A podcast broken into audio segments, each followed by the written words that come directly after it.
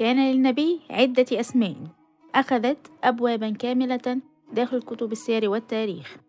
وحسب بعض كتاب السير فإن أسماء النبي محمد تبلغ ثلاثمائة اسم بينما أعتبرها بعض الصوفية ألف اسم. كما بلغت المصنفات الإسلامية المختصة فقط بأسماء النبي أكثر من أربعة عشر مصنفا. وجاء أشهرها الشفاء في حقوق المصطفى للقاضي عياض ورياض الأنيقة بشرح أسماء خير الخليقة لجلال الدين السيوطي. وكان أغلب هذه الأسماء صفات كخير البرية. وقد ذكر النبي صراحة باسمه محمد في القرآن تارة ومرات أخرى بأسماء كالمصطفى وطه تارة أخرى. والمصطفى هو المختار. بينما طه جاء تفسيرها حسب الطبري بأنها كلمة سريانية بمعنى يا رجل. أسماء النبي جعلها بعضهم كعدد أسماء الله الحسنى تسعة وتسعين اسما وعد منها الجزولي في دلائل الخيرات مئتي اسم وأوصلها ابن دحية في كتابه المستوفى في أسماء المصطفى نحو ثلاثمائة اسم. بخلاف الصفات والأسماء الصريحة كأحمد وهو الاسم الذي ورد في نبوءة إتيان النبوة وبخلاف محمد وهو الاسم الفعلي للنبي في الواقع كان هناك عدد من الكنيات للنبي كأبي القاسم نسبة إلى ابنه القاسم وابن أبي كبش واختلف كتاب السير في سر التسمية بهذه الكنية إذ نسبها بعضهم إلى جده لأمه وبعضهم نسبها إلى جده لوالده وبعضهم الآخر نسبها إلى زوج حليمة السعدية مرضعة النبي. فإذا كان للنبي عدة أسماء تقع بين الكنيات والصفات فهل يقع اسم محمد من ضمنها أيضا أم لا؟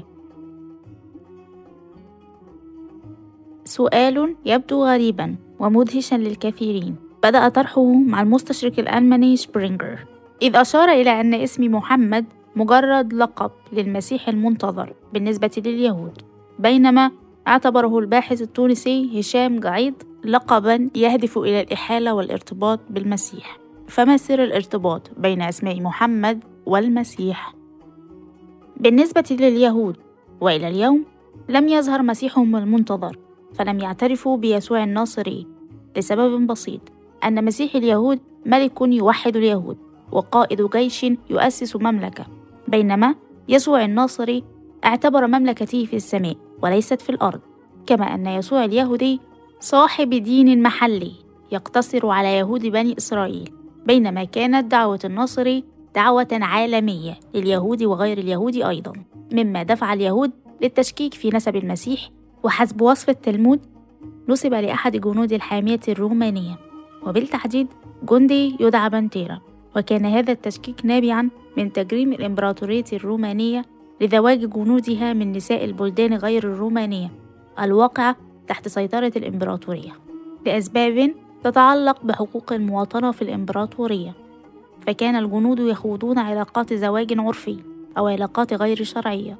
وكان كل هذا محض محاولات يهودية لرفض الاعتراف بيسوع الناصري الذي تعد دعوته ثورة على الشريعة اليهودية بالأساس. وعندما ظهر النبي محمد في جزيرة العرب لم يجد يهود الجزيرة مانعا من أن يكون النبي محمد مسيحهم المنتظر. لكن المشكلة الكبرى بالنسبة لهم هو اعتراف النبي محمد برسالة المسيح الناصري.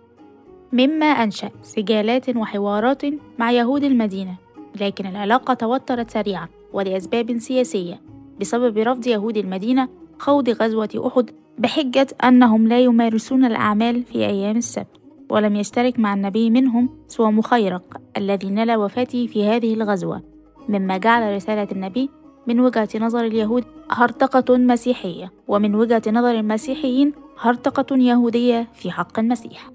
ويبقى هذا الربط بين اسم المسيح ومحمد يحمل إشكالية إذ يعتبر الباحثون الذين يميلون إلى كون اسم محمد مجرد لقب أن معناه ممجد وهو اسم يستخدم للإشارة إلى المسيح ولكن تبقى إشكالية هذا الطرح باعتراف الإسلام بالمسيحية واعتراف النبي محمد برسالة المسيح. فكيف في ظل هذا الاعتراف ينتسب النبي ذاته إلى أحد ألقاب المسيح؟ وإن حدث ذلك فعلا فالأمر يتطلب عدم الاعتراف بالمسيحية من قبل النبي واعتبار نفسه المسيح. إذا كان محمد لقبا فما اسم النبي؟ يعتقد المستشرق كارل هاينز أن اسم محمد الموجود على زخارف قبة الصخرة من عهد عبد الملك بن مروان تعني ممجد وهي مجرد إشارة للمسيح. ويبني فرضيته على كون أن محمدا لقب وليس اسما. على عدد مرات ذكر محمد في القرآن الكريم وهي أربع مرات فقط. مقارنة بذكر عيسى في ستة وعشرين مرة بينما يأتي ذكر موسى مئة وستة وثلاثين مرة بخلاف أن ذكر محمد لم يأتي إلا في آيات مدنية بمعنى أنه لم يبدأ مع رسالة الإسلام في مكة. بل جاء كجزء من تطورها في وقت لاحق وأن محمد كلمة سريانية يستخدمها العرب لتمجيد المسيح. يعتقد الباحث مالك مسلماني أن اسم النبي الحقيقي هو كثم ويبني هذا الرأي على أولا أن لجد النبي عبد المطلب ابنا مات قبل ولادة النبي محمد وكان هذا الابن يسمى قثم فربما سمي النبي على اسم ابنه. ثانيا أن عبد الله والد النبي كانت كنيته أبا قثم وثالثا أن ابن عمه قثم ابن العباس كان يشبه النبي كثيرا فربما ورث النبي الاسم بسبب هذا التشابه. تبقى كل الآراء في قصة اسم النبي مجرد آراء فلا توجد دلائل قوية تثبت أن اسم النبي ليس محمدا. ولا توجد دلائل قوية تثبت أن اسمه قثم إذ لا توجد مخطوطة تشير إلى النبي باسمه أثناء حياته خارج أو داخل الجزيرة العربية. كما لا توجد أي وثائق موقعة باسمه ولا نقوش تعود لعصره مما يجعل التكهن باسمه من عدمه أمرا صعبا. كما أن الارتباط قد يكون على مستوى اللغة لا التاريخ والأحداث والمفاهيم الدينية. فاسم إسماعيل مثلا بالتوراة معناه الذي سمع الله ومع هذا كون ارتباط الاسم بشخص آخر غيره لا يعطي اعتبارا أكثر من كون اسم هذا الشخص إسماعيل. واختلاف دلالة كلمة محمد سريانيا وعربيا وارد جدا في ظل لغات تعود إلى مجموعة لغوية واحدة ومع هذا تبقى كل الاحتمالات التاريخية مفتوحة إلى حين وجود أدلة قاطعة تحسم الأمور. ونلتقي في حلقة أخرى من بودكاست تاريخ الإسلام.